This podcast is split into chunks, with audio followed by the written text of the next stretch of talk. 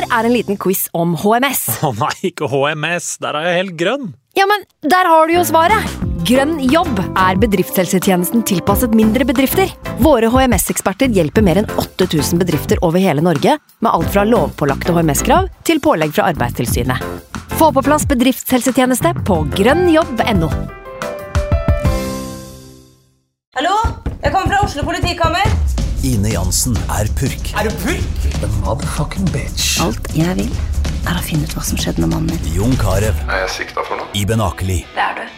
Ole So, Lars Berrum og Big Daddy Karsten. Hvem sin side er du på, egentlig? Anette Hoff, Tone Danielsen, Kommer du fra Afrika? Jørnis Josef, Nesten. Kløfta. Trond Espen Seim, Det er synd å si det, men det var feil mann som døde. Purk. Premiere tirsdag på TV2 Play. Nå har vi starta. Fantasyrådet. Hei, og velkommen til podkast med Fantasyrådet. Fantasy, fantasy, fantasy. Topp 10 og topp 10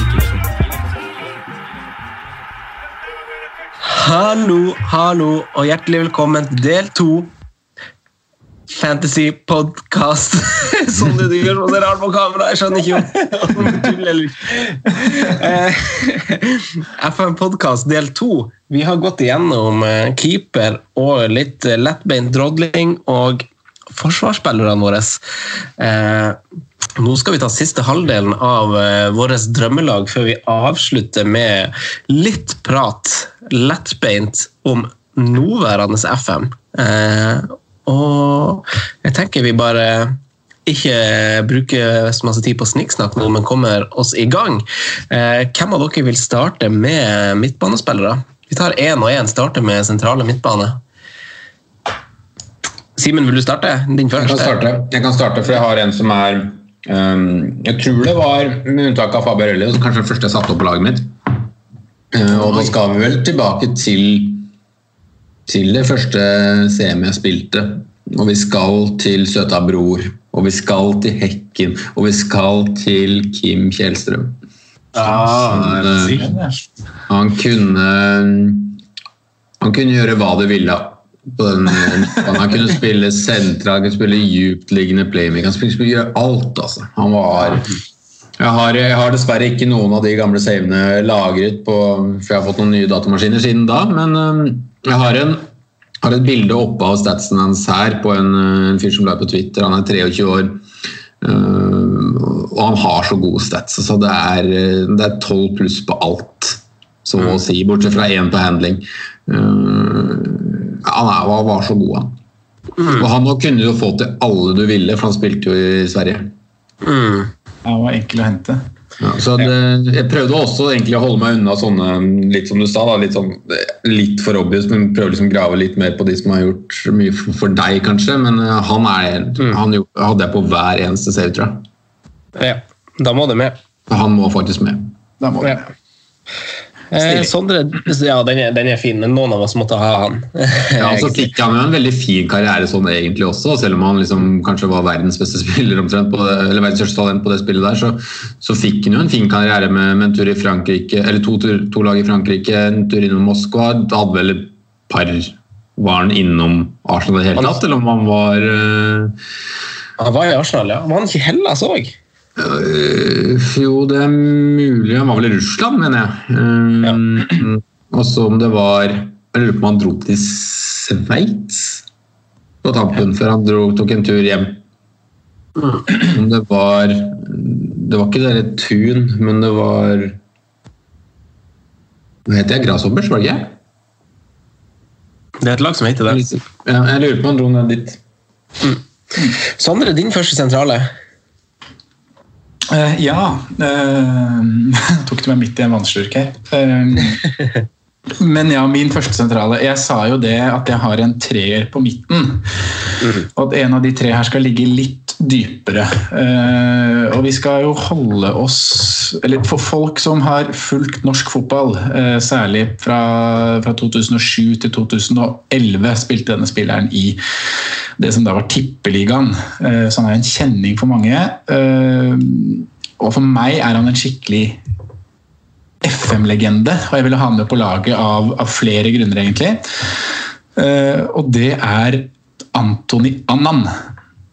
Oi! Den så jeg ikke komme. Nei. det er det som er litt moro, da, syns jeg. Jeg tviler på at noen av dere har han med. Jeg tviler på at det er veldig mange andre som har han som en FM-legende. Men for meg så er det, det er flere historier for, uh, som gjør at jeg vil ha Annan, uh, Annan med på laget, altså.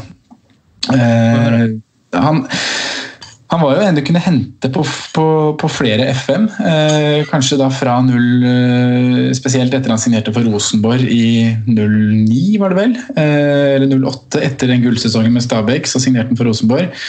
Uh, han var en du kunne hente da, Hvis du var sånn middelmådige klubber rundt omkring, så fikk du en helt ålreit ballvinner til en grei pris. Uh, han hadde jo drøye mentale stats, husker jeg. Arbeidsom, han hadde aggressivitet på opp mot 20. Noe som dog førte til at han måtte sone tredje hver match. Da. Så det var litt, uh, litt kjedelig akkurat det, men han var, gikk perfekt inn i den ballvinnerrollen. Uh, og jeg hadde den på flere, flere filer. Uh, jeg husker spesielt Det tror jeg var så nylig som FM15. Uh, mm. For da spilte Annan i 1860 München. og da starta jeg, en, jeg en fil med 1860 München, og da ble han helt Det var første gang jeg prøvde å spille med tre bak, husker jeg. Og da brukte jeg Annan som halfback foran treeren. Mm. Eh, og Da lå han der, og han var altså, spilte så bra. Eh, takla, slo pasninger. Han var helt vill. Mm. Eh, Sørga selvfølgelig for eh, til, eh, til Bundesligaen eh, med 1860 München.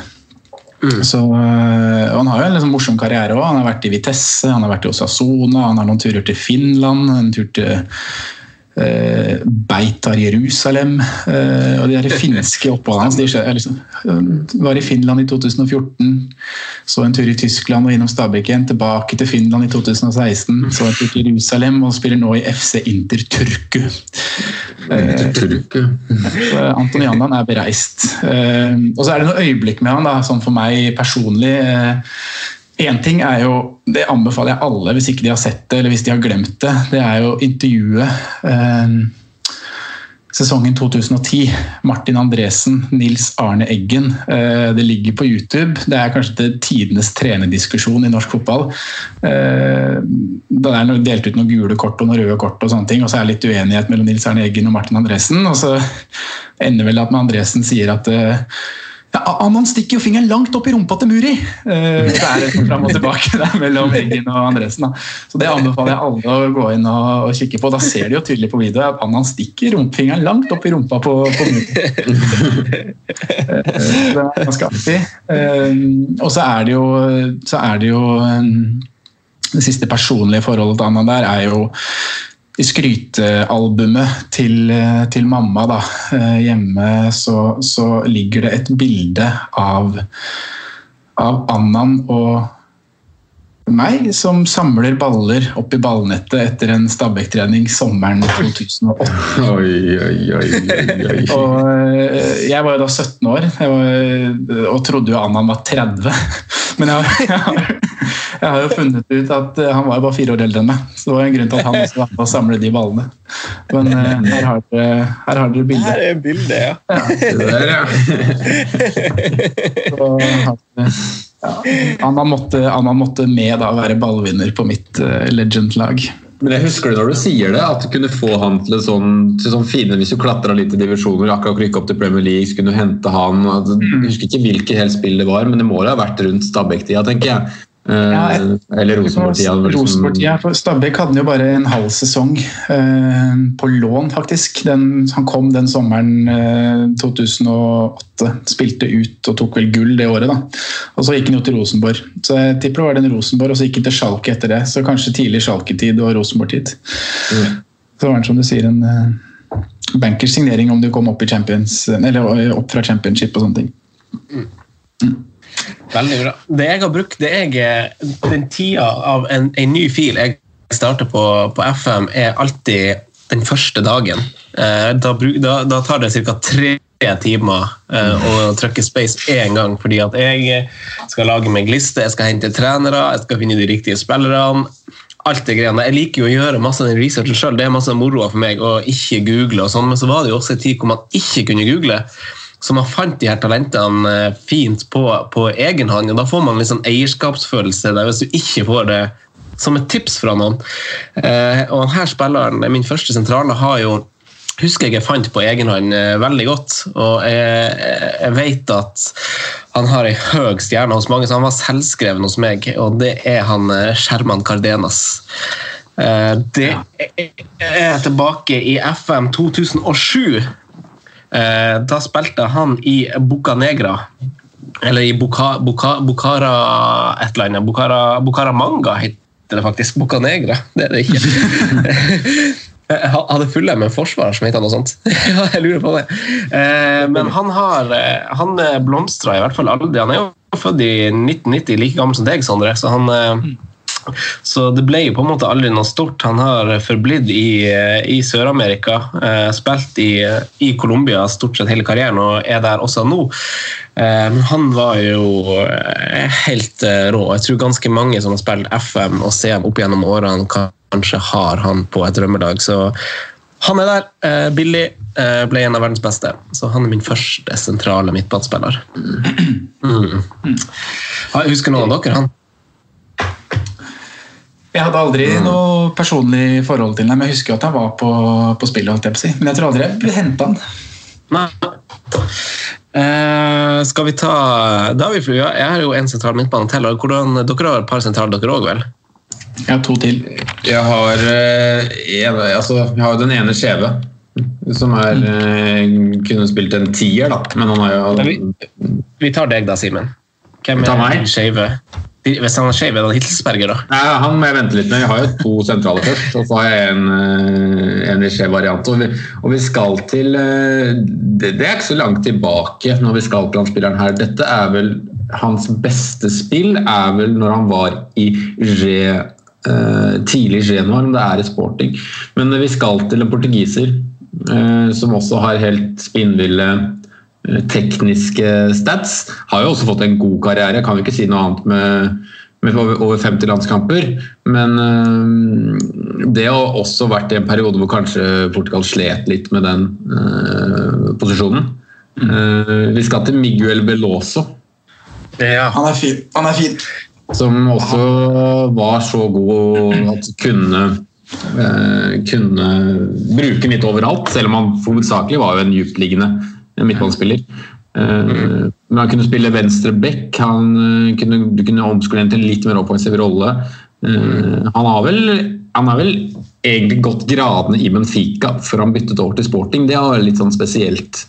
Eh, med Veloso før han dro til Italia. En liten tur innom, innom Kiev, og så har det jo vært Genoa nå, Verona, da, for eh, Veloso. Begynner jo å bli, gå, gå, eh, gå, litt opp i åra nå. Men han, for de nyere så husker vel de fleste han. Og han har vært god på mange spill også, føler jeg. Ja, han har det. Ja. Jeg synes Det var bra du tok han, Simen, for det var han som var min hovedkonkurrent til Annan. Så da, da fikk han skinne på laget ditt. Det var, det var jeg glad for.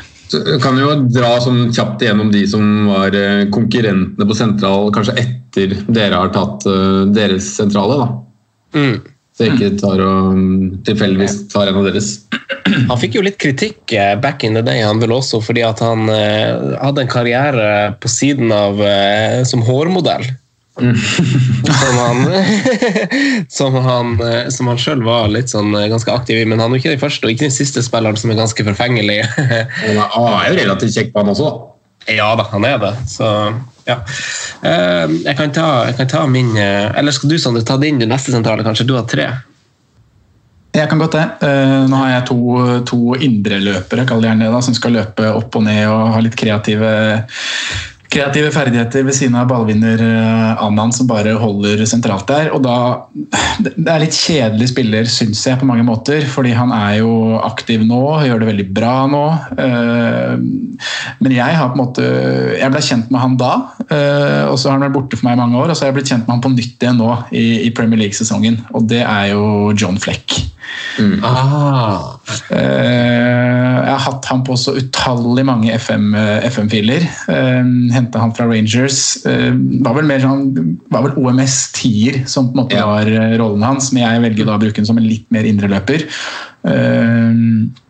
Men han hadde jo noen voldsomme kreative, kreative stats der. Uforutsigbar, teknisk og smalt jo inn langskudd. Mm. Så jeg husker man tok sånn eh, Skyt ofte ga man han sånn personlig eh, rolle der. Så han bare banka det inn hvis han fikk litt rom på utsida av 16 der. Så det var vel FM 9 eh, 9-10, 8-9-10 tror jeg, eh, hvor han var unggutt i, i Rangers. da. Så, og han er, jeg har jo ikke tenkt på han på flere år, før han var i gang igjen i, i Sheffield, eh, Sheffield United. Har hatt en kjempesesong i år. Så det er en spiller som våre lyttere også kjenner godt til. Da. Det er litt kult. Man har jo jeg hadde, var Rangers fra 07 til 2012, og så var det et eh, utlån i Blackpool som var heller mislykka. Eh, En, en lang periode i Coventry City fra 2012 til 2016, før han eh, da i 2016 signerte for Sheffield United. Ja, hvor han gjør det bra. Så John Fleck er med. Veldig bra. Eh, den, er, den er jo trygg og fin. Ja. Litt kjedelig trygg og fin. Altså, god Han der, altså, Men jeg husker han Eh. nesten mest som venstre kant. ja, Sondre. At du var han, uh, kunne han spille der òg? Kan godt hende han var naturlig i flere posisjoner, altså. Det er jo ikke på alle FM at, det er ikke på alle FM det har vært så utslagsgivende altså hvordan posisjon du altså at, de, altså at du ser hvor tilpass de er i den utgangsposisjonen. da. Det var jo ikke sånn på CM, og sånn, da, da fikk du ikke beskjed om at her passer ikke han å spille. Nei. det, det, ser, det, ser, det ser du jo på nyere FM, liksom, hvor Blinker det rødt imot det. Ja. Eh, altså min, jeg hadde masse, også mange sentrale midtbanespillere opp til vurdering. Eh, og så jeg droppa igjen fra 0102 Mark Kerr, som jeg henta ofte på det spillet, men det var kun på det spillet. Og det var mange som var opp til vurdering. Jeg vet ikke om dere husker han René Mihelic? Husker dere han? Derek Boateng, Benedikt Vilakasi. Det er liksom fra FM 10-11-tida, det, altså. Eh, og det er jo ofte man, man, start, man starter en fil med litt dårlige penger, og så, og, så, og så har du på en måte gjort en research at du vet du kan hente noen gode spillere for lite penger for å styrke et dårlig lag ganske masse. Så det var artig å starte save med lite penger, fordi du kunne hente spillere som det her. da. Eh, men jeg skal til eh, Dinamo Zagreb eh, 06-07 eh, hvor Choruca og Eduardo spilte. Eh, og de, de, ble jo for, de ble jo solgt etter den sesongen der, eh, men det var jo en trio som man kunne hente derfra. Eh, Choluca, Eduardo da Silva og en som ble der en sesong til, før han fulgte fotsporene til forsvarsspilleren Choluca, og det er jo han Luka Modric. Ja. Han kunne man hente helt sykt billig. To FM på rad fra Dinamo, Dinamo Zagreb, og han ble eh, helt rå. Og for de som ikke vet hvem han er, så spiller han på Kroatia, eh, Real Madrid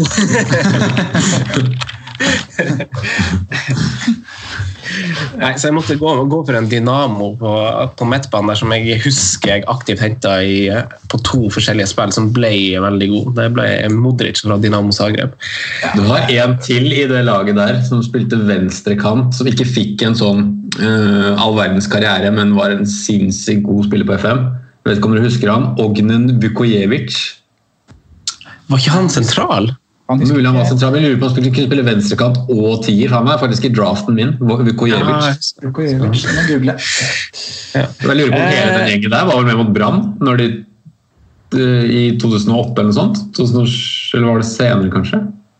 Nei, tidligere, mener jeg. Vi spilte Europa League-kvalik. Mm. Dinamo Zagreb mot Brann. Ja, Men det er Erik Bakke og sånn skårte, herregud. Eh, Simen, vil du ta din sentrale? Du har jo på en måte, jeg skjønner at du har en del navn du har, eh, du har stått mellom. Vil du ta din neste sentrale? Har dere tatt alle sentralene nå? Jeg har Jeg tatt begge mangler- mine, begge mine to. Ja, jeg har en, Karl-Ven. en. Kan du ta Sondre først, da? Ok, sånn er det. Ja, øh... det var litt kamp om den siste plassen, eh, så jeg kan, jeg kan jo dra opp utfordrerne etterpå her. Men, men, men navnet jeg landa på, da skal vi også tilbake til, til FM07, eh, tror jeg. Eh, og vi skal til Hellas. Eh, vi skal til Panathinaikos. Og vi skal til Sotiris Ninis.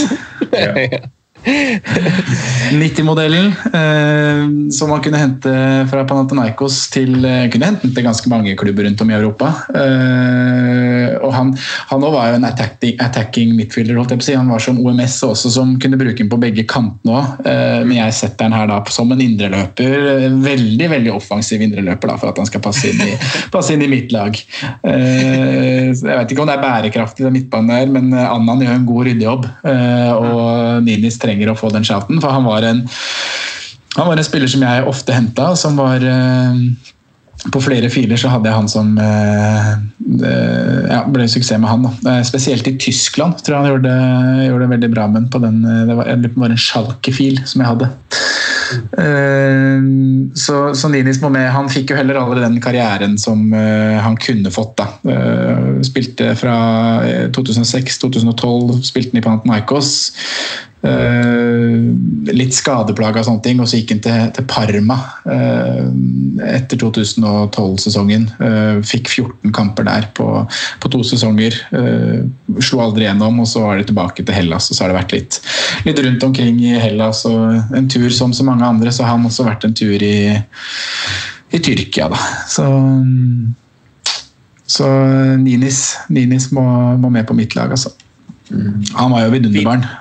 Ja, men Jeg har hatt Ninis på mange saver sjøl, altså. Jeg har det. Mm.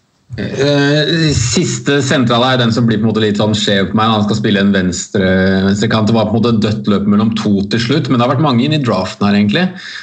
Vukojevic en som er nevnt. og Jeg vet ikke om du husker Diogo Rinko fra Dynamo Kiev?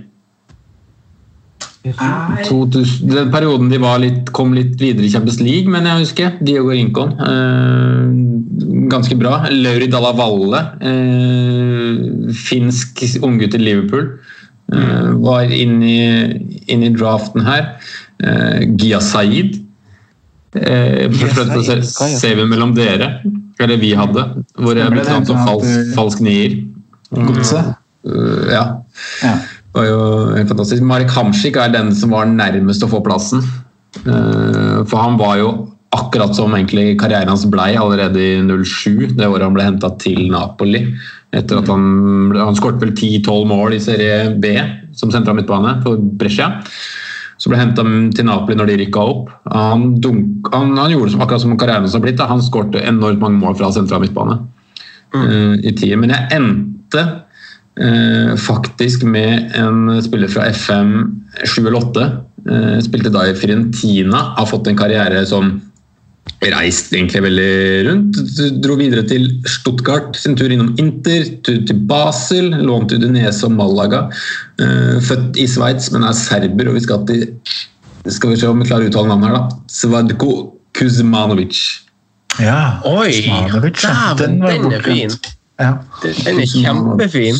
Han eh, hadde en helt uh, Han var sinnssykt god på det når han var i Fiorentina. Når jeg ser på karrieren, så var det 07 til 09, så det er FM 7, 8 eller 9, da, men antageligvis 7 eller 8. Ja, ja, den er veldig fin. Den var ikke jeg var ikke tenkt på engang, men han pleide å hente sjøl.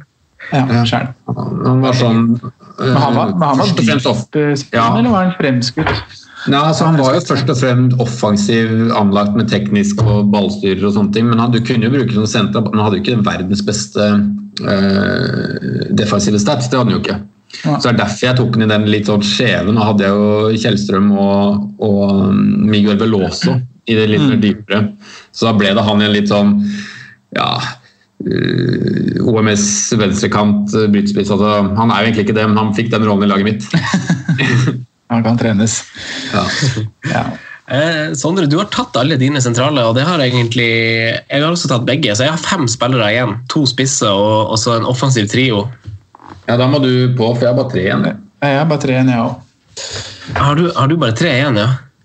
Begge vi har. Oh, ja. Ok, men da skal, skal, jeg ta to litt kjapt, da. Ja. Eh, Hvilke posisjoner er du på nå? Eh, nå blir, er du på kanter nå? Ja, nå blir det jo kantspillere. Det, det, kan jo på en måte legges litt om i formasjoner ettersom hvordan du, hvordan du ser det. Men uh, det her er i hvert fall uh, en høyrekant som var 17 år på FM10. Han kunne du bruke som kant, eller du kunne bruke han som spiss. Jeg satte han opp som kant fordi jeg pleide å omskolere han til kant, men han var vel i utgangspunktet spiss. Han heter Vaklav Kadlek. Mm. fra Sparta Praha. Eh, Henta kjempebillig. Han ble også spinnvill. Eh, Han er en av mine fortsatt- nesten som gjelder Han var nummer fjerdemann på spisslista mi. Ja, ikke sant? Så han måtte med oss meg, for han henter jeg ofte. Eh, Så det er jo på en måte der jeg har tatt litt utgangspunkt da, skjønner jeg, når jeg leser over det. hvordan spiller jeg på en måte har henta litt mer enn hva bare den på det ene spillet. Eller som jeg hadde litt ekstra forhold til. Og den andre spilleren, jeg var litt innom det eh, Det blir en offensiv midtbane, så sparer jeg venstrekanten av de to spissene. Eh, offensive midtbanespilleren det, her er også med link til studenttida, da, som jeg sa i stad, at man, nei, i del én sa jeg det, at, at man husker ekstra godt FM-linkefilen. Eh, man har alle god fil eh, på egen hånd, men på linkefil så var det litt konkurranse om de gode spillerne. Og her var det en spiller eh, fra et lag som jeg igjen pleide å hente en del spillere fra, Palermo. Eh, han spilte OMS, 20 i uforutsigbarhet. Eh, har senere gått til Paris Saint-Germain, heter Javier Pastore. Eh, han, Jeg har Palermo-drakta hans, det er pga. FM. han, han, var, han var kanskje den spilleren på et par, par FM som jeg uh, kunne bruke hele budsjettet mitt på å hente. Uh, som var liksom høgst prioritert å, å få inn. Fordi han, han ble liksom topp altså Han ble en sånn helt verdensklasse, og siden han spilte i Palermo, så kunne du få en verdensklassespiller til f.eks. sånn som jeg kunne være da, Valencia eller Lazio eller noe sånt. da, og eh, ikke Real Madrid eller Barcelona, men selv om han var god nok for det. Så han styrka alltid laget noe vanvittig. Så han er der nå. Eh, Fin- nå har jeg også tre spillere. Jeg husker det var, sto, sto ofte mellom Pastore og Hamsik. Begge de to Ja. k- kunne man få relativt grei pris. Ja. Uh, eh, En fin chat. Men nå har dere begge tre spillere igjen, dere òg. Mm. Har du tatt venstrekant, Sondre? Jeg har ikke kanter, jeg vet. Jeg har tre Nei. spisser, jeg. For Der var jo den posisjonen jeg ikke klarte å fylle, da, når det endte med Kuzmanovic til slutt. Men jeg har noen i draften her som jeg bare har lyst til å nevne. Ja, jeg har noen navn som jeg skrev ned, som vi, men start du, så kan jeg se om det er noen Er det noen av dere som vurderte Andres Guardado? Nei. Han hadde jo en periode der før han på en måte slo helt gjennom, hvor han var, var god. Men han var en sånn klassisk kant, da, sleike-krytte-kant. Uh, venstrebeint. Og så har jeg også notert eh, Han kan hende han kommer opp i spissen etterpå, men jeg tviler litt på at han når helt opp. Stevan Jovetic. Eh, er, vel også, rundt eh, Kuzmanovic-tida i Fiorentina. Mm. Mulig litt etterpå. Eh, også nevnt Casano, tier eh, venstrekant, og Nico Kranjčar. Og Kranjkar, ja. Ja. Da er jeg spent på hvem du lander på. Nei, det var jo Kuzmanovic, da. Ja, du, ja stemmer, stemmer, stemmer, Så jeg har høyrekant og to spisser igjen. Ja. Jeg har noen, ja, du har, høyre, du har høyrekant igjen, ja, men jeg har noen sentrale som, eh, som eh, Du nevnte noen av de, Simen, men jeg har også et par til her. Eh, En av de var Aksel eh, Witzel, mm. som alltid ble henta. Var det spilt den i Standard Liège, eller blander jeg da? ja, jeg tror det stemmer. Ja, stemmer. Eh, og så var det De snakka vi litt om her før, før Simen kom, eh, Simen. Nei, Franco. De her, jeg vet ikke om de var brødre eller fettere eller hva de var, ja, men. Ja, Br Ja. Bruno, Bruno og Franco. Ja stemmer. Eh, og Bruno har vel i senere tid signert for City, og jeg lurer på han er tilbake i Argentina nå. Men det var to spillere som jeg Jeg husker ikke hvem av de som var best. Eh, Det var to år forskjell på de, tror jeg. Eh, Han ene kunne man bruke litt med en gang, mens han andre han satt jo på reservelaget eller lånte ut, så han fikk, fikk matchtrening. Men det var også, hvis man var litt sånn større klubber, så kunne man alltid hente de Zuccolini-gutta, og så fikk man fikk man gode fremtidige spillere, da. Men det er ikke så lenge siden man kunne ha Zuccolini, vel? Altså det, Nei. det er ganske nylig spillet. et, et, vi snakker fra 12, 13, 14 og kanskje nyere enn det òg, altså. Uh, ja. Og også et par til her. Jeg har noen kantnavn, da, men du hadde en kant igjen, Simen. Du kan kanskje ta han først? Jeg har en jeg, har også, jeg, har også, jeg har også en kant igjen. Ja, La Franco gå først, du. Ja. Eh, Da går jeg for min siste kant. Eh, Han, han, eh, han kunne også spilt OMS, han har jeg også kjøpt i mange mange år og på mange mange FM. Eh, Det var fra to lag jeg pleide å hente han. Nå er han hjemme i barndomsklubben sin, og noen ganger er det litt sånn at her i Norge så har vi ganske kjedelige lagnavn. Eh, Jeg misunner liksom noen gang USA som heter at alt skal være så jævlig stort og monster og skummelt og sånn. Mens andre ganger så er jeg ganske glad for at vi ikke, vi ikke er så dumme i hodet. Men det hadde vært litt artig hvis norske lag hadde hatt en variant av eh, Colo Colo. Tenk et lag som heter Tenk om et lag heter Odd Odd eller noe sånt. Det hadde vært litt så koselig. Colo Colo, er det Chile? Ja, det er riktig. Eh, han her spilleren starta karrieren sin der, og tilsynelatende så kommer han til å avslutte den der. Han er 34 år, spiller der nå. Jeg pleide å kjøpe han da han var i Villarreal og Sporting eh, Lisboa. Jeg gikk litt lei han da han eh, gikk til Fiorentina, da pleide jeg ikke å hente han så ofte, men det er han eh, Mathias Fernandes. Om dere husker han. Helt rå tekniske ferdigheter, kjempegod å ta, ta dødballer, frispark, corner, you name it. Husker han godt. Ganske billig å hente fra Villarreal og Sporting. Så han, Det er, sånn, det er sånne navn jeg ville ha opp i, i den her, som du prøver å finne fram til, men du husker det ikke. Han var helt, helt rå. Ja. så han, eh, han går way back, så jeg er veldig fornøyd med den trioen der, egentlig. Kadlek, Pastore og Fernandes. Den er, der, der jobba jeg godt. Ja, var der var det mange, navn, eh, mange vanskelige navn som måtte skille, skilles ut, egentlig. mm. Nå er det bare mine to spisser igjen, så nå eh, kan, kan dere kan gå, kan gå til min eneste, eneste rene kant. Ja, da. Eh, og da må jeg tilbake til den perioden hvor du prata på at det var at du kanskje ikke spilte så mye, da, Franco. Vi skal til det ene spillet i den perioden som faktisk var bra, og det er CM4. Eh, Kunne gått gutta i, i Sarpsborg, Hier eller Nessi, eh, som var vel 14 og 15 år og kunne hente oss starte i Premier League med en gang, men vi skal til han eneste som fikk karriera di der, da, eh, som var da i Skeid. Eh, vi skal til Daniel Bråten, året før han dro til Rosenborg. Ah, du går for Bråten, ja. Han, mm. han var eh, Du kunne hente den rett til Liverpool, han kunne herja med en gang. Han spiller spiss, han kunne spille, spille kant. Han var eh, beist, altså. Men han var jo faktisk ganske rått talent også på den tida der. Da. Han var jo, hadde jo fysiske forutsetninger fra en annen verden, eh, i hvert fall sånn i norsk målestokk. Eh, Og, det blir han som bekler eh, høyrekantplassen, selv om jeg har en som ikke nødvendigvis er så stor FM-legende, men som jeg har hatt siden jeg har spilt med Liverpool i så mange sesonger, da, eh, på så mye ulike spill, så har det alltid vært at man prøver å ta vare på litt av unggutta. Og Harry Wilson har egentlig vært ganske god på de aller, aller fleste FM-spillene. Og han har alltid liksom kommet opp og kriga om en eh, fast plass. Da, så jeg har liksom vurdert å skrive opp han også, men det blir eh, Daniel Bråten. Altså. Personlig forhold har man å si også når man lager sånne lag, så det er kult at du nevner ja, så blir Daniel Bråten. Stilig. Eh, veldig bra. Eh, da har du to spillere igjen, Simen. Ja, to spisser. Ja, jeg også. Eh, og Sondre, du har tre, så du må få, få ta ordet nå. Mm, og så skal jeg bare kaste ut noen kanter, da, siden jeg ikke har kanter på laget mitt. Men jeg har skrevet ned noen som, har, eh, som hadde vært i diskusjonen, eh, og som jeg syns bør nevnes eh, for min egen del.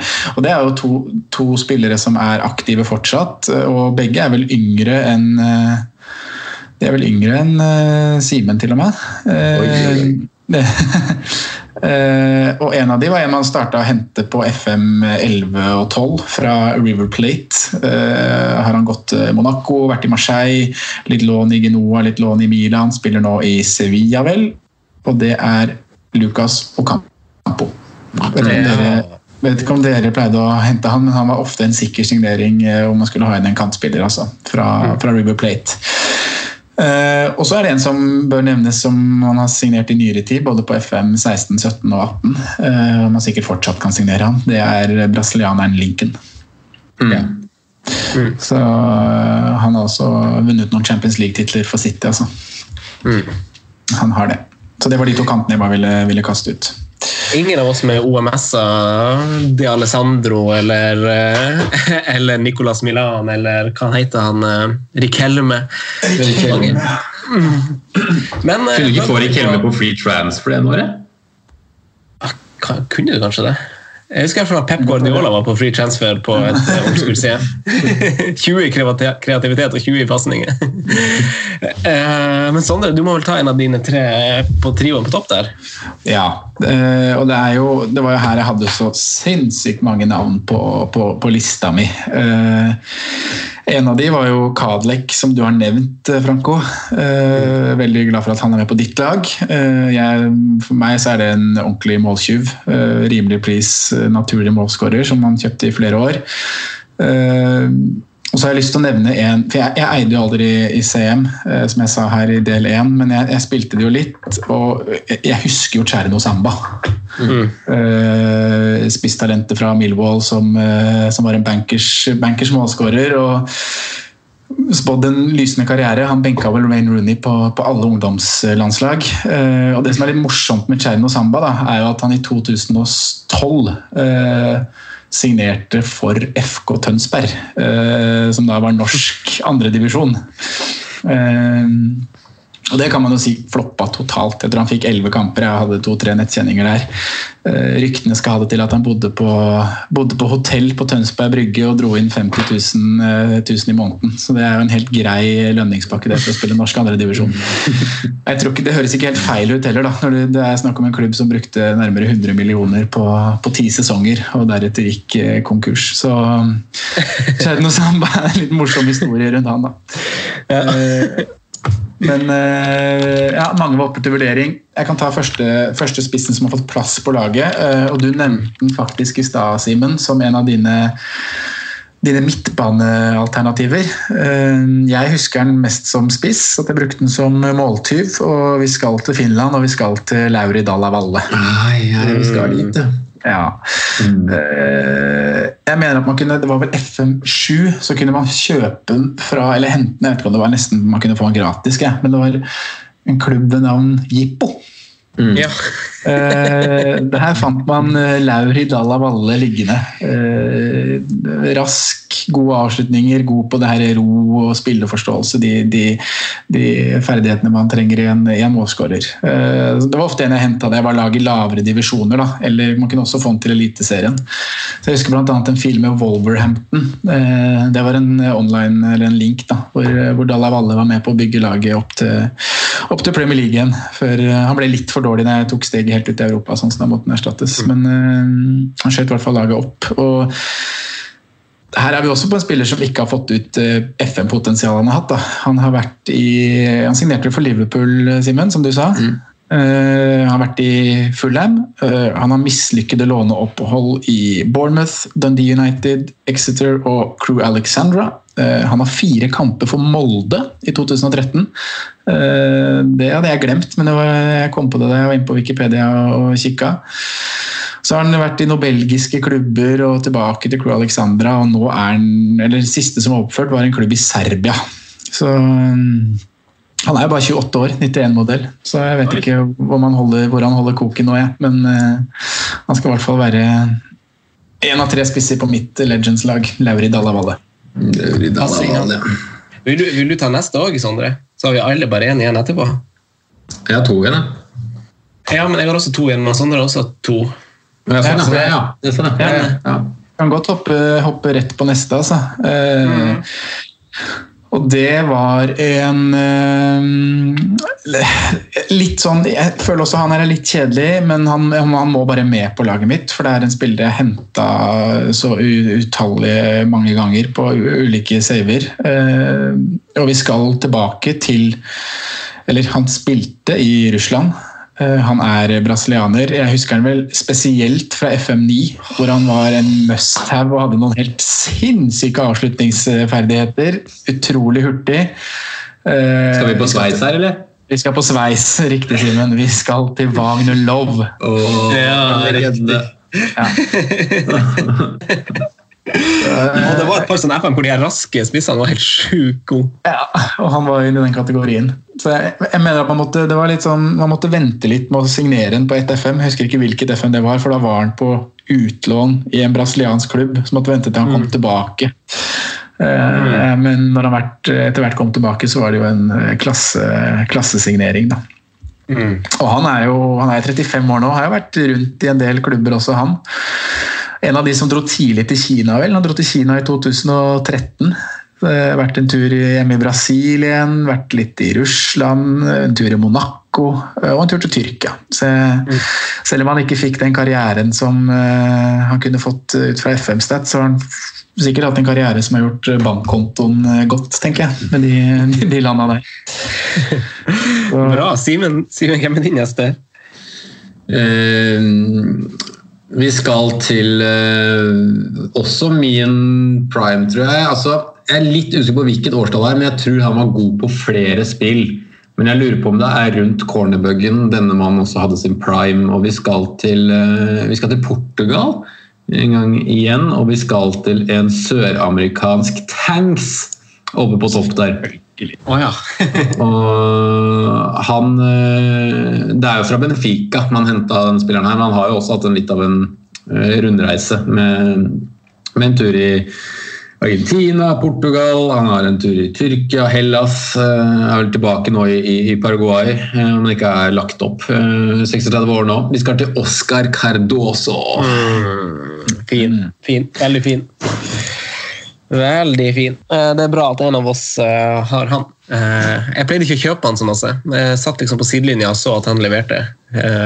Husker jeg godt. Og han skjøt jo Um, langskudd, frispark, gud veit. Han bare dunka inn alt som var, og så var han to meter høy og target man i boks. mm. Når vi er på, når vi er på Cardoso, da, så kan, bare, kan jeg ta min siste. For det er jo selvfølgelig Cardoso som er på, er på min siste spissplass. Eh, Ja. Med Wagner Love og Dalavalle løpende rundt, så skal Cardoso være tanksen i midten. Eh, Mm. og det er, for meg er det liksom, det er symbolet på FM-spiss. Altså. Jeg kjøpte Mm. den til- på veldig mange utgaver og til veldig mange lav, og han skåra han skåra jo på hodet. Han banka inn frispark med den venstrefoten sin. Mm. Så nei, han måtte med. Mm. Steike, du har tatt hele elveren din, du, da? Jeg har det. Oh, jeg gleder meg. Du skal få oppsummere den etterpå. Du har to igjen? Eh, Jeg har to spisser. Drus gjennom Eh. det, da så tar jeg min siste, tror jeg. Ja, eh, skal vi se det, jeg har, altså, Min ene spiss han har jo ei veldig god talenthistorie. Jeg kan ta han først. Eh, men det er, ikke, det, er ikke der, det er ikke den gode talenthistorien med denne spilleren som knytter mine bånd med han. Eh, fordi de ble knytt i, i PED-timene på NIH, da vi hadde fem-seks stykker en link, en linkefil i lag i Eliteserien. Jeg vant serien første året med Stabæk. Eh, ingen var jo RBK eller Molde. Eh, jeg husker jeg solgte Nicolay Næss. Jeg henta Marius Amundsen, Lundemo. Ayer kunne man hente gratis da, Simen, før du henta han på en klausul som jeg ikke visste at jeg hadde med i kontrakten, og du er en drittsekk. Eh, så Ayer og Lundemo og, og Erling Knutson eh, sikra jo det seriegullet til Stabæk første, første sesongen der. Eh, og Newcastle hadde da en spiller som av en eller annen grunn kun hadde 10 000 kroner i uka. Eh, som, var, som, som var veldig overkommelig for en, selv en eliteserieklubb å betale. Så jeg smelte jo Champions League-kvalikkortet i bordet og henta Henry Saivé til, eh, til klubben.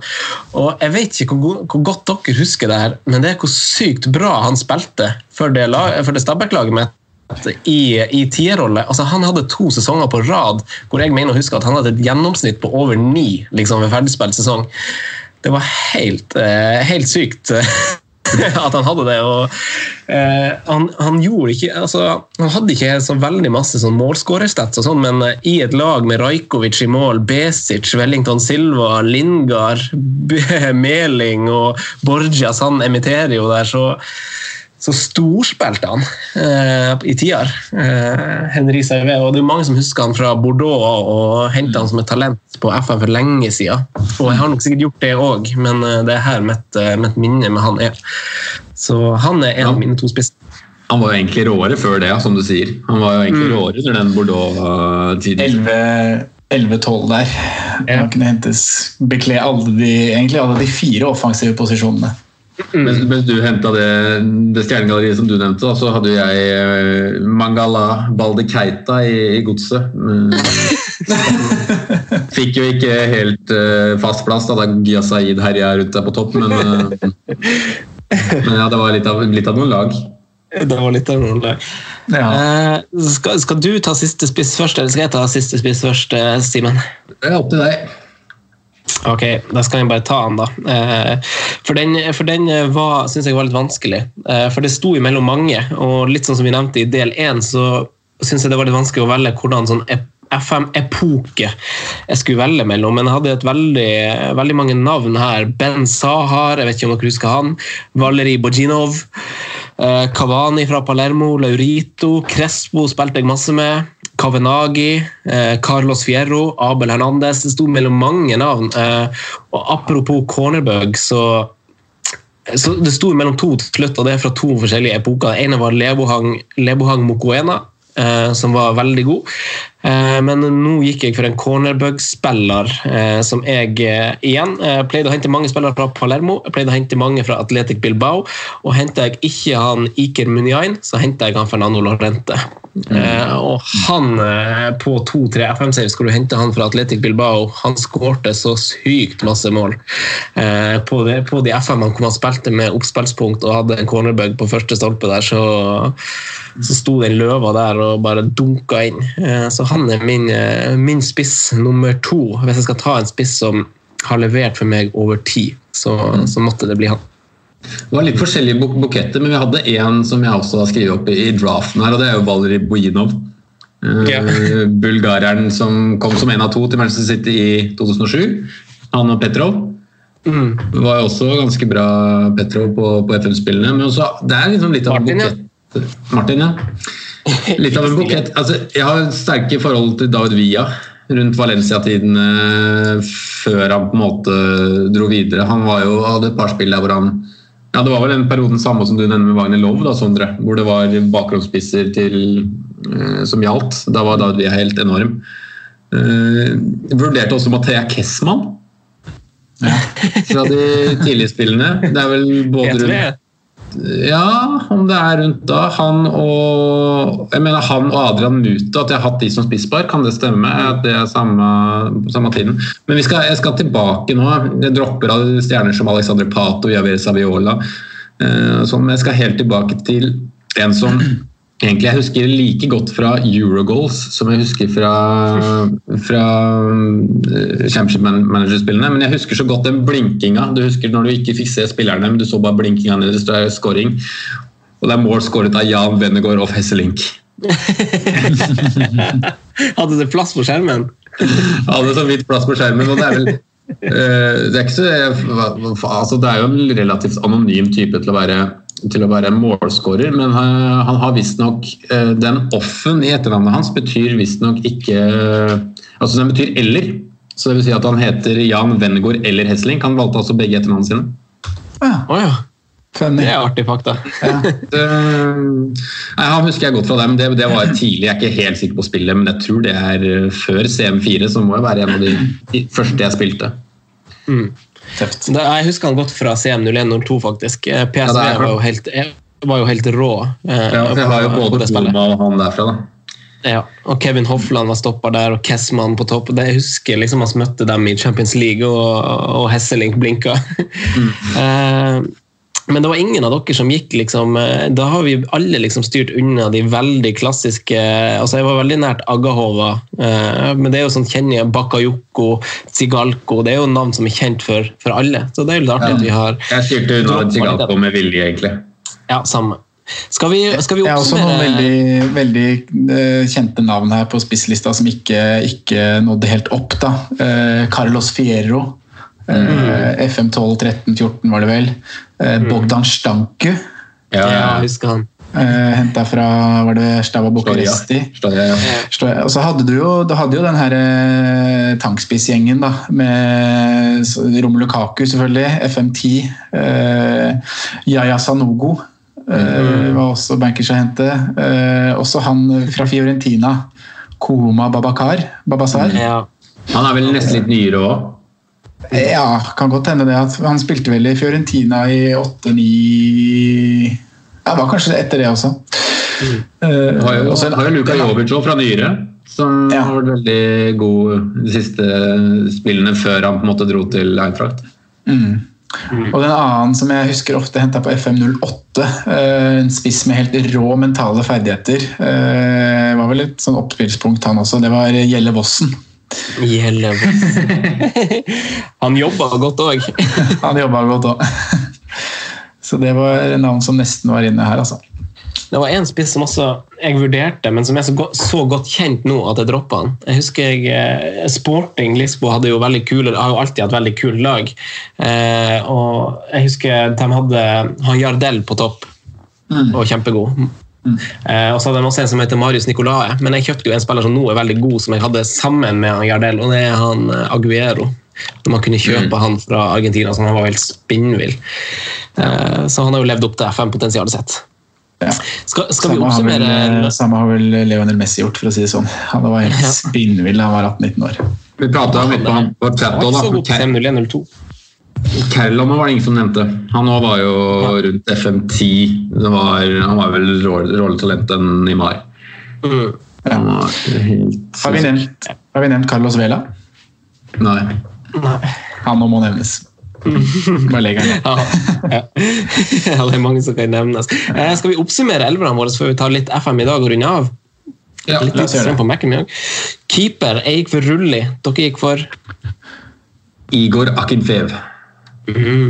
Guillermo Eller Francisco Guillermo Ochoa Magana. Aha. Og så tar vi hele backrekka på rad. Jeg tar, kan ta mine tre, som er Nick Besagno, Munoz og Christian Kivu. Trio, trio bak. Jeg har da Dario Serna, Federico Fasio, Wilfred Boma og Fabio Aurelio. Fryktelig bra. Sterkt. Sondre? Jeg har Dardio Serna, eh, Breno Borges, eh, Fernando Meira og Lee Wallace. Veldig bra! Steike over noen lag. Sentralt på midten har jeg Sherman Cardenas og Luka Modric. Kim Kjellstrøm og Miguel Veloso. Sondre? I min treer skal Antonianan ligge litt dypere, eh, mens John Fleck og Sotiris Ninis skal få offensiv eh, kreativitet, spillerom. Kreativt spillerom, ja. Ja, bra. Eh, trio. Vaklav Kadlek, Pastore, Mathias Fernandes.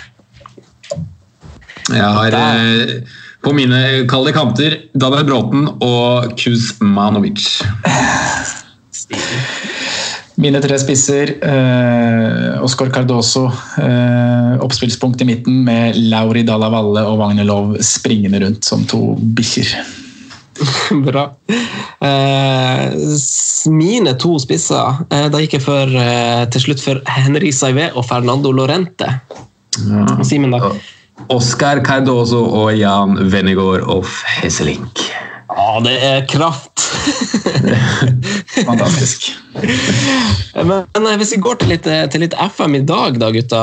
Jeg vet jo at dere eh, Vi alle har jo en, en fil på gang nå og har hatt litt suksess. Jeg har hatt første, første linken min, nei, første fila mi var med, med Lazio. Og Jeg vant jo serien, så det kunne jo fort ha blitt en av de der eh, savene eller den fila man husker. Man skulle tro man husker, men hva, hva, hva, hva med dere?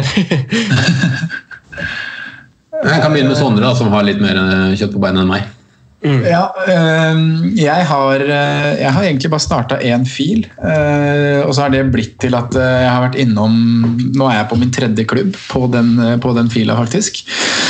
Jeg, jeg, jeg liker jo å starte litt sånne byggeprosjekter, og spesielt, spesielt i Norge. Eh, Så jeg starta da med et lag i Post Nord, andredivisjon, som jeg visste hadde bra med penger. eh, Som jeg visste jeg kunne investere litt, hente litt talenter, eh, hente også de nødvendige spillerne jeg trenger for å rykke opp. Og jeg trengte jo egentlig ikke noe for å rykke opp. Så jeg starta med Egersund. Eh, Så, så, så, det ble opprykk på første året, det. Og så var jeg rett opp i Obos, spilte kvalik der. Eh, Tapte den kvaliken, så det ble en, et, et andre år i Obos, altså den tredje sesongen. Eh, da gikk det dårligere. Så styret hadde sagt høye forventninger. eh, Og jeg gjorde det dårlig, så da midt ute i sesongen, rundt eh, juni-juli der, så fikk jeg faktisk fyken i Egersund. Eh, og da var godset, godse fort på banen og tilbød meg jobb. Godset lå på nedrykk eh, i Eliteserien. Eh, veldig jevnt, da. Så det var tolv poeng opp eller noe sånt til, eh, til medalje. Eh, så jeg tok over godset. Tok med meg noen spillere. Eh, fikk noen nye yndlinger der. Tredjeplass det året. Vant ligaen året etter og vant det som kalles for Eurocup 2. Det vet ikke jeg hva er. Men, eh, Det er inntil Toto-cupen, det. Ja, eh, men jeg vant i hvert fall den. Der. Slo, husker jeg ikke hvem jeg slo i finalen, jeg. men jeg slo ut eh, AEK Aten på veien. Ja, det var litt sånn semilag i Europa, da. Og da etter hvert så blei godset litt kjedelig gått inn i sesong tre der, så da var ledig jobb i Sevilla. Søkte jeg på den og, og fikk den, så nå, så nå er jeg da i, i Sevilla første sesong der og gjør det helt greit. Tatt med meg en yngling fra godset, Mustafa Fofana. Eh, talent man bare må hente hvis man starter, starter i Eliteserien eller egentlig i championship. og sånne ting, og Han blir en meget bra pressende spiss. Eh, så, så det er min, eh, min lille reise på FM20. Det er den ene fila jeg har starta, og jeg holder meg, holder meg fortsatt på den. altså. Men jeg har, eh, det er litt lunkent nå med litt tråde dager i, i Sevilla. Jeg er i 2024 eller 2025 da. Begynner å få opp en del kule regions. da. Ah, Ja, det er ikke jeg så glad i. Nei, det er ikke det, nei. Nei. nei. Jeg har solgt for nærmere. Ja. Jeg har solgt for nærmere Jeg solgte vel Jeg husker ikke hvem Jeg solgte han Ol Ol Oliver. Solgte Ja. jeg for 700 mil til Kina. I hvert fall. Oliver! Fått litt penger inn. Oliver. Ja. Oliver, ja. Jeg har jo også starta i, i lavere divisjon. Altså Med Lazio så vant jeg jo serien, og da vant jeg jo med, med å spille en ganske defensiv eh, 3-5-2. Eh, og de har jo et veldig kult lag, Lazio, på, eh, på FM, og jeg prøver jo å gjøre mitt for å ikke, ikke google eh, spillere, og det har jeg egentlig ikke gjort heller. Eh, men eh, så Derfor pleier jeg ofte å starte med Arsenal, og så spiller jeg litt bare for å se hvem som liksom blir god, og så bruker jeg heller tid første dagen på FM på å bruke de navnene jeg har skrevet meg ned og huske. Eh, Men på det Lazio-laget så, så, så vant jeg jo serien i den 3-5-2-en, og med gegenpress. Eh, som funka veldig bra, og det er jo selvfølgelig én spiss der som bøtta inn mål, og han gjør det jo også på ordentlig. Immobile eh, skårte og skårte og skårte. Eh, og så, så, ga jeg meg i løpet av sesong to. Jeg gjorde det helt, liksom ligge på tredje-fjerde, men det fløyt ikke like bra, selv om jeg henta litt kule spillere.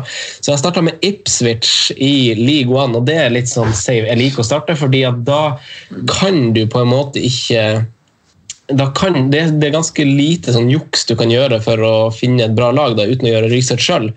Eh, så jeg starta der med null, eh, null penger å hente for. Eh, jeg fikk råd til å hente én spiller gratis. og for å hente en gratis så måtte jeg faktisk selge òg, så det var litt sånn rart. for Det var så i null i budsjettet. Da hentet jeg Alan Hutton eh, gratis. det, så det ble det. Og så fikk jeg solgt enda en spiller på deadline day, og da henta to spillere til. Ross McCormack, eh, så to 34-åringer inn, og en Curtis Jones på lån fra Liverpool. som, eh, som virkelig gjorde det bra. Fikk meg som favorittklubb, meg som favorittmanager. Eh, Ble selvfølgelig med også da jeg røkka opp ganske overlegent fra League One egentlig, til Championship, og Curtis Jones ble med videre. Eh, og jeg husker ikke helt hvem jeg henta i Championship, men det som er litt artig med Ipswich, var at jeg hadde jo sju stykker i den troppen som er born and bred Ipswich. Eh, og det er jo litt kult. Og hvorav eh, fire til fem av dem var i startoppstillinga. Eh, og nå er jeg da i Premier League røkka opp eh, uten masse røkka opp første sesongen i Championship òg, gjennom kvalik. Møtte kjempedårlige lag i kvaliken, så det gikk egentlig eh, bra. Eh, møtte liksom Blackburn og Hull, tror jeg. Så det var liksom ikke var ikke noe hokus pokus og røkka opp. og da får man jo kjempemasse penger. Det er da det blir litt skummelt. Jeg røkker opp til Premier League og får masse penger. Uh, gjør det greit i Nei, gjør det ikke greit i Premier League, jeg er jo nedre halvdel. uh, men unngikk nedrykk, og nå har jeg jo henta en spiller som jo er et av mine favorittalent og har vært det. Eh, Portugal har jo vært masse gode spillere i, på to-tre FM på rad nå. Dalot var veldig god for to FM-sider, husker jeg. Og på ett tidspunkt altså, så kan man jo tilby dem kontrakt og bare betale den kompensasjonen. Eh, Men nå er jo noen av de spillerne blitt så dyr, som Florentino Luis og Ruben Diaz og de gutta der som faktisk er veldig gode i Benfica, også på ordentlig. Men en spiss som jeg fikk, eh, som mange lyttere sikkert spiller FM kjenner til, som heter Fabio Silva. Så han spiller jo nå på topp eh, for meg i Ipswich. Eh, Det, så det er veldig artig. Og ikke minst en fra Birmingham som jeg er veldig fornøyd med, som heter Jude Ja. Bellingham. Mm. Eh, Så jeg er veldig fornøyd med å få noen sånne talenter som jeg har skrevet ned på mobilen min til, eh, til, til Ipswich, som ikke har gått eh, noen plasser. Hvor gamle er de gutta der hos deg nå? Fabio Silva og Bellingham? Fabio Bellingham er, Fabio Silva er bare, Bellingham og Fabio Silva er bare 19-20 år. Ja, Eh, for og nå er jeg i fjerde sesong. ja. Eh, begge er veldig gode. De, er, de får, jo, får jo interesse fra United og sånne klubber nå. Ah, Eh, Du kommer til å slite med å holde på de. Ja, da kommer jeg ikke til å gidde mer, vet du. Når eh, jeg mister de, og de blir sinna. Altså. Lagt om formasjon der, da. Det virker som at det ikke fungerte å spille den 4-3-3-en som jeg røkka opp med, så nå er jeg på tre bak der òg. To veldig gode stoppere, to, to outcasts fra Manchester City. Erik Garcia og Tosin Adara Bieyo eller noe sånt. Så det er jo veldig mange spillere som blir, som blir gode ved tillit, men som, hvis de bare sitter på benken eller i reservelaget, så blir de ikke noe særlig.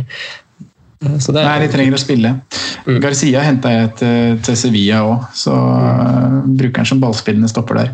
Men apropos det du sier med formasjon, så føler jeg at det er noe som har blitt liksom enda mer viktig jo, jo lenger året har gått. holdt jeg At man er fleksibel og har flere formasjoner å spille med. Man blir på en måte litt avslørt hvis man bare har sånn som du sier du gjorde det bra med Lazio ett ett år. Men hvis du fortsetter da bare med én formasjon, så, så er på en måte motstanderen avslørt deg litt. Da. At, mm. man, må, man må utvikle seg og ha flere taktik taktikker. Så Men eh, ja, Simen, da? Fulheim? Fulheim ikke kommet så, kommet så langt. Jeg har kommet en halv sesong. Eh, akkurat ja, 4. februar står det her nå, 2020. Eh, har egentlig ikke henta Jeg henta to bekker fordi jeg spilte en sånn 3-4-3-variant i starten med voldsomt offensive og krevende bekker, så jeg måtte ha litt backup der. Uh, henta Birger Meling, som faktisk også er en sånn, liten sånn FM-legende. Eh, kan- som egentlig bare skal hentes billig og selges neste år. Uh, og så henta jeg en ukjent som jeg bare fant. Uh, Petar Stojanovic. Uh, Slovener fra Dinamo Zagreb. Eh, Kompis Dimitrovic. kompis Dimitrovic. Det er viktig å bygge litt eh, balkanske broer Ja. eh, i laget mitt. Det var de jeg henta før sesongen, og så har jeg nå i januar kjøpt eh, sikkert en du hadde i Lazio, Franco, André Andersson. Ja. Har du kjøpt han? Eh, Fikk han for 125 når jeg solgte, jeg solgte Joe Bryan for 140 mill. i januar til Brighton. Det, det er helt rått eh, kjøp. Det er vanskelig å få plass til han i Lazio med de spillerne de har, men han var jo supersub.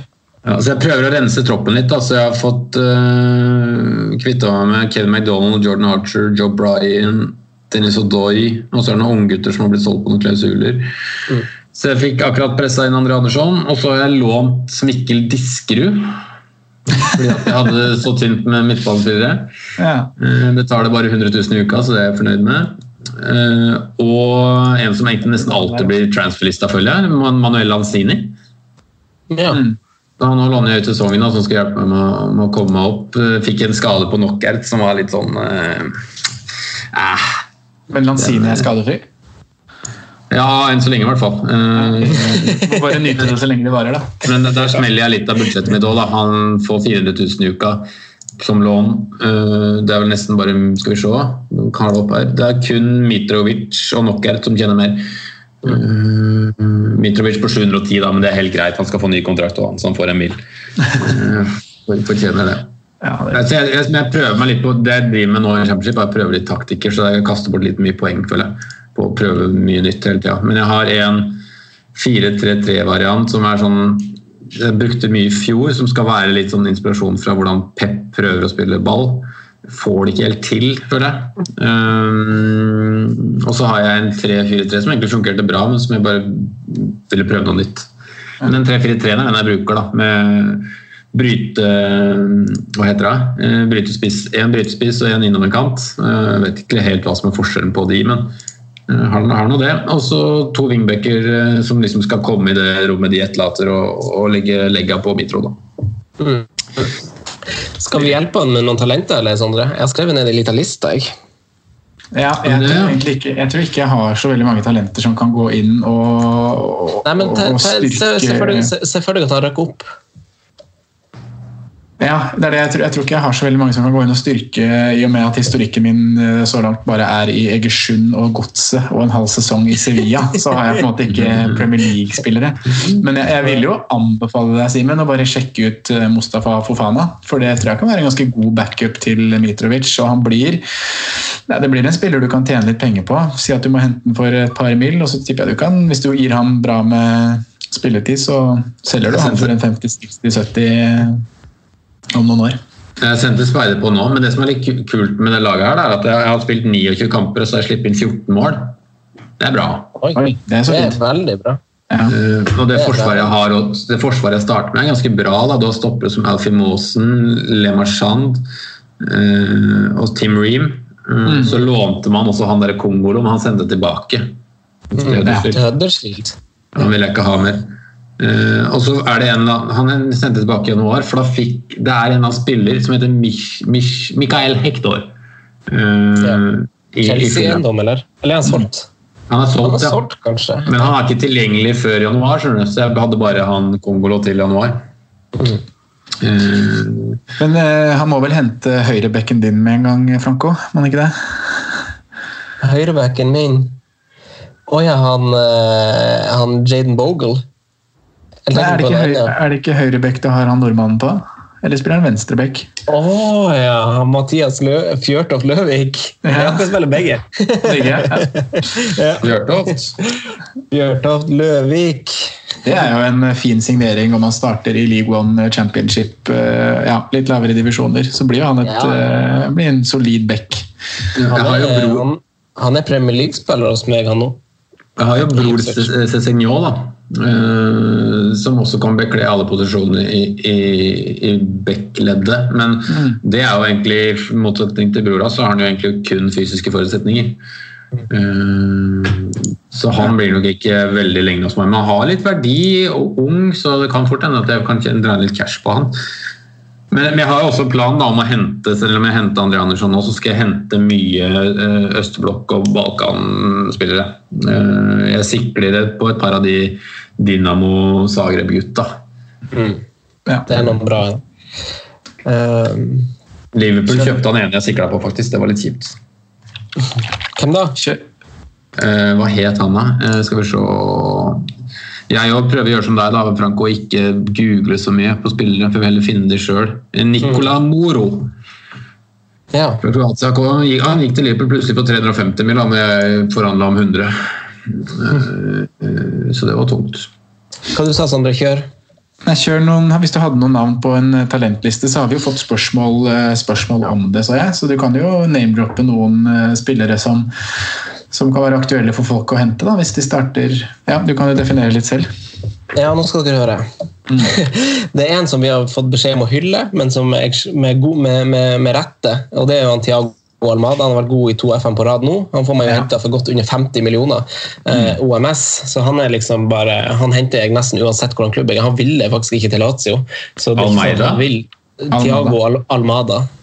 Uh, ja, det er jo også, kjempe men, men, der er det noe irriterende greier. I hvert fall Tidligere var det det med noe oppholdstillatelse Arbeidstillatelse var det kanskje. Mm. Jeg tror det er i orden nå. ja, jeg får håpe det, for jeg husker jeg fikk aldri brukt den. Ja, men han er helt, eh, helt eh, syk. Og så mm. er det en venstreback som er veldig god på ordentlig. Eh, som spiller i Angers, tror jeg. Rayan Ait Nori. Eh, venstre wingback. Han blir jo helt eh, eller han, eh, han, brukte jeg i Lazio i sesong to, sammen med Pellegrini, som jeg også kjøpte. Og det er jo nesten et lite sånn stikkord, for det er en del Serie A-klubber som har gode spillere på utlån mm. i eh, sesong én.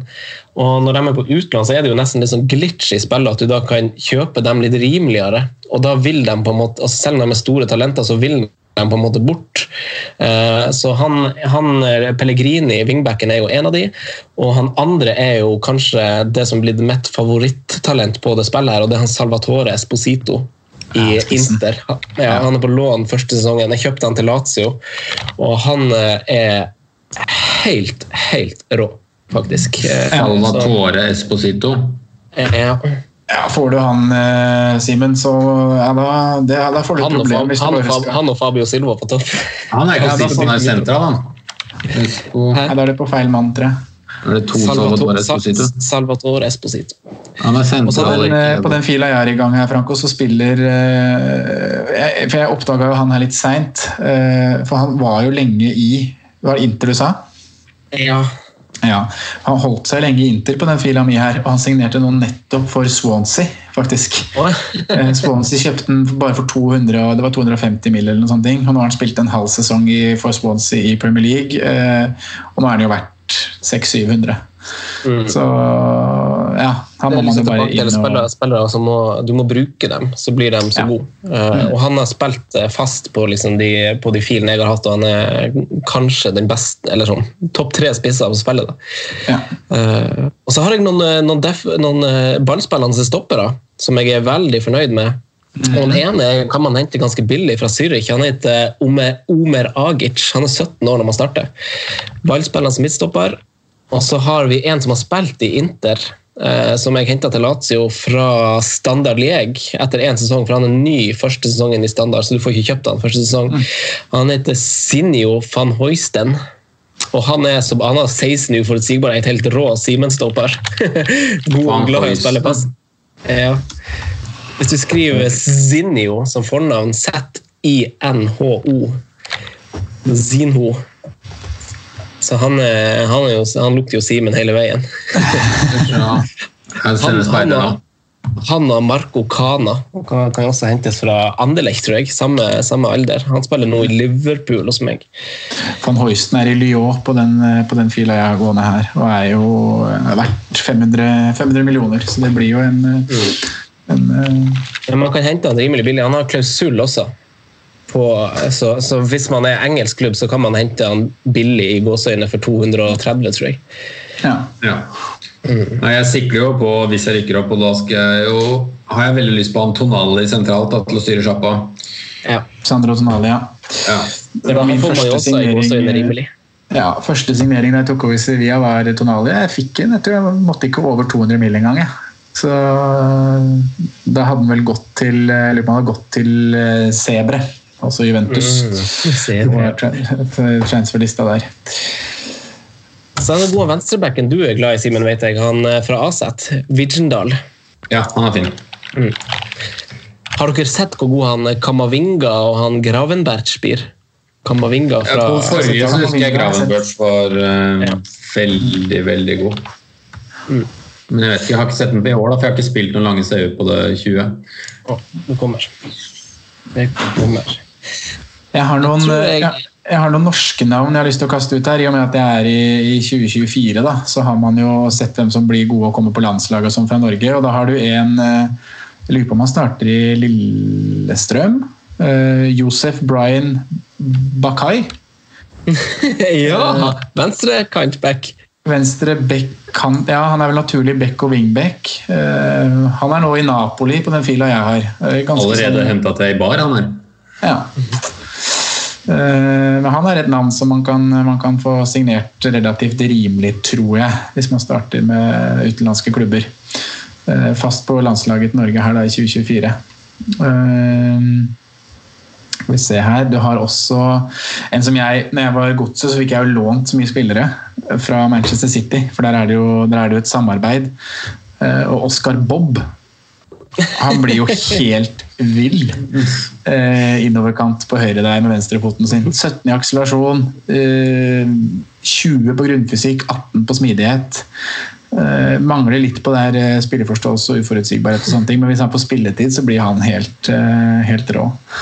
Litt kjip historikk på han at de ikke har fått med seg lynhistorikken. At det kunne stå Vålerenga der. Ja, det er kritisk, faktisk. At Vålerenga skal få Her æres det. ikke de som æres bør. Ja. Jeg er helt enig. Og så er det en som driver og herjer i Spania for meg nå, eller ikke for meg, da, men mot meg, faktisk. Eh, som spiller i Levante. Eh, og det er Erik Botheim. Oh, ja. Veldig, veldig gode stats til å spille som jeg mener det var eh, Skal vi se, jeg tror det var underliggende, nei, dyptliggende spiss han passer som. Ja da. 17 på ro, 16 for ut- ut- uforutsigbarhet, eh, 14 uten ball. Så han har ganske gode, gode stats. Bare 25 mil henta han fra Rosenborg. Skåra ti mål nå. Så. Det er også en kul signering. Ja, kanskje vi må starte en link, gutta? Det må nesten det, altså. Kanskje bare skulle gjort det. Nå, nå har jeg 2% strøm på Mac-en, så jeg må faktisk runde av. Jeg vet ikke om dere har eh, noe dere vil avslutte med, eller om vi bare skal avslutte der.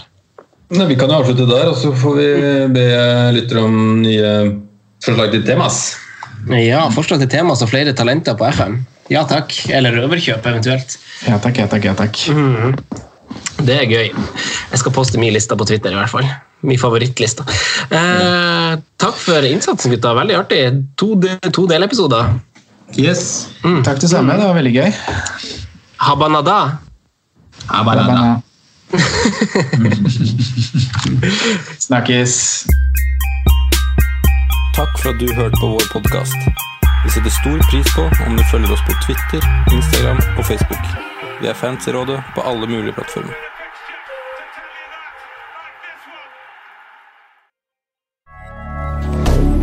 Moderne media. Ukens annonsør er Folio, en smartere banktjeneste for deg som har en egen bedrift eller ønsker å starte for deg selv. Folio er en superenkel nettbank for bedrifter. Som kunde i Folio får du en bedriftskonto med et bedriftskort og app. I denne appen er det smarte løsninger som forenkler regnskapet ditt, uansett om du har en liten bedrift eller et enkeltpersonsforetak. Folio er både intuitivt og brukervennlig, og er laget med et enkelt språk. I tillegg tilbyr de forutsigbare priser og ingen skjulte gebyrer. Skulle du likevel trenge det, så kan du snakke med deres raske og hyggelige kundeservice, og der får du prate med en faktisk person og ikke en chatbot. Folio er med andre ord både enklere og koseligere enn banken. Over 10 000 bedrifter har allerede valgt Folio som sin banktjeneste, så besøk folio.no og se hvordan Folio kan forenkle din hverdag også. Har du et enkeltpersonforetak eller en liten bedrift? Da er du sikkert lei av å høre meg snakke om hvor enkelt det er med kvitteringer og bilag i fiken, så vi eh, gir oss her, vi. Fordi vi liker enkelt. Fiken superenkelt regnskap.